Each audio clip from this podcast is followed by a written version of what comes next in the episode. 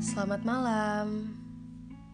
Pada kali ini aku akan membacakan sebuah cerita singkat yang aku karang sendiri pada tahun 2017 yang berjudul Sore.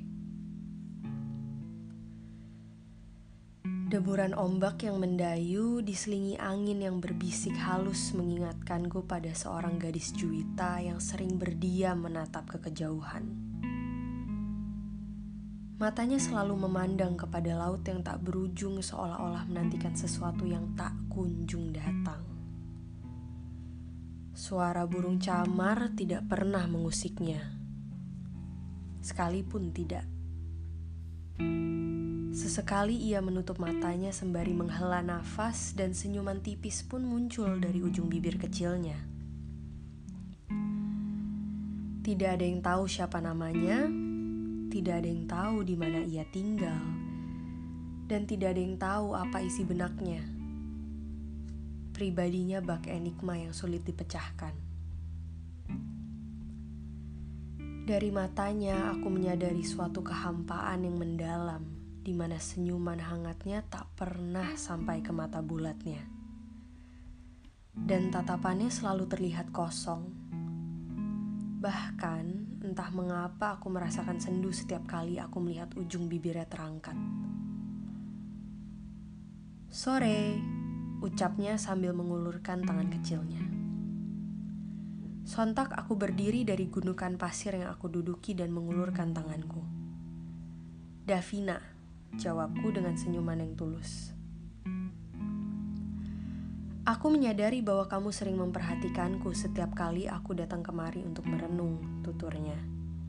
Iya, sejak dulu aku ingin berkenalan denganmu.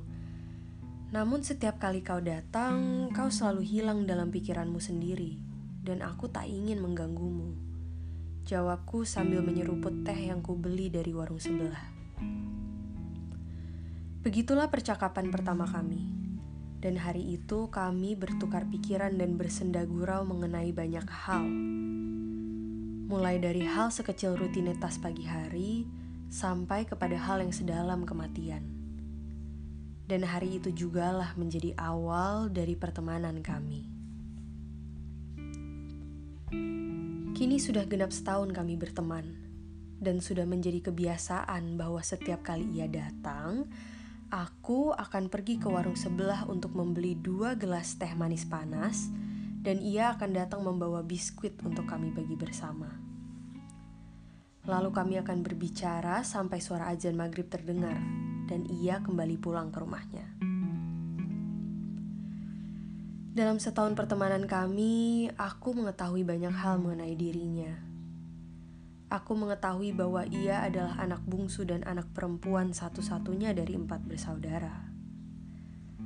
Ayahnya bekerja sebagai pegawai kantoran di ibu kota, dan yang tinggal di kota kecil ini hanya ia dan ibunya saja. Ketiga saudaranya sudah merantau dan berkeluarga sendiri. Sore itu terasa berbeda. Ajan maghrib sudah lama berkumandang dan batang hidungnya tak nampak juga. Dua gelas teh dalam cengkraman tanganku yang awalnya membakar kulit dan mengepulkan uap panas, kini telah menjadi dingin.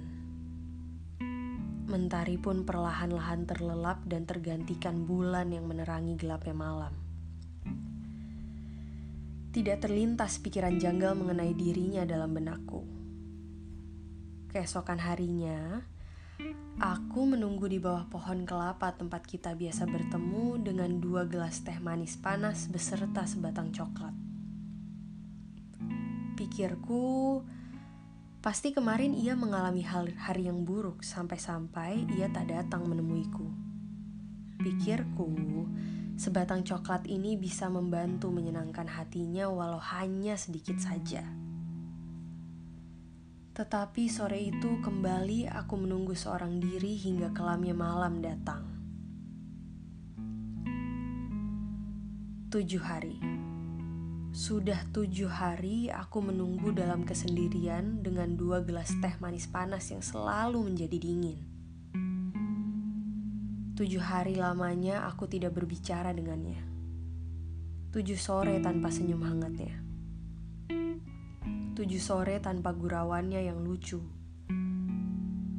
Tujuh sore sudah aku lewati tanpanya, dan pada sore ketujuh, segerombolan orang berpakaian hitam datang dengan wajah murung. Beberapa dari mereka terlihat mengusap air matanya. Seorang wanita parubaya terlihat membawa bejana yang terbuat dari tanah liat, dan orang-orang di sekitarnya menggenggam beberapa jenis kembang beraneka warna. Tepat ketika matahari hanya nampak setengah dari pesisir, sang wanita membuka penutup bejana dan menebarkan sesuatu ke laut. Sambil sesekali tersedak air matanya sendiri, sang wanita tetap menebarkan isi dari bejana tersebut. Ketika isi bejana sudah kosong, orang-orang di sekitar wanita itu menebarkan bunga ke laut. Aku berdiri dan meninggalkan tempat dudukku karena takut mereka merasa terganggu oleh kehadiranku. Aku pun sungkan mengganggu momen pribadi mereka. Sore ke-27 dan aku masih setia menunggu kehadirannya di bawah pohon kelapa. Hati terdalamku meraung-raung penuh cemas tanpa alasan yang jelas seolah-olah ingin memperingatkanku akan suatu kejadian penting yang aku lewatkan. Davina, sebuah suara berat dan serak memanggilku dari belakang. Mataku menangkap sesosok lelaki bertubuh besar, tinggi, dan kekar. Benar Davina kan? Tanyanya dengan nada penuh keraguan. Iya, benar, dengan saya sendiri. Ada apa ya? Jawabku sambil mengangkat sebelah alis. Lelaki ini pun maju mendekatiku dan duduk bersila di sebelahku. Fajar, ucapnya sambil mengulurkan tangan kanannya. Setelah tangannya ku jabat, dari mulutnya keluar sebuah nama yang membuat jantungku berhenti berdegup sepersekian detik. Sore, katanya. Ia adik bungsuku, lanjutnya. Ia menitipkan sesuatu untuk diberikan kepada perempuan berambut keriting yang menunggu di bawah pohon kelapa dengan dua gelas teh manis panas di tangan. Ia pun tersenyum. Dari kantong celananya, ia merogoh selembar kertas bergaris coklat yang dilipat menjadi persegi. Ini untukmu, ucapnya sambil memberikan surat itu kepadaku.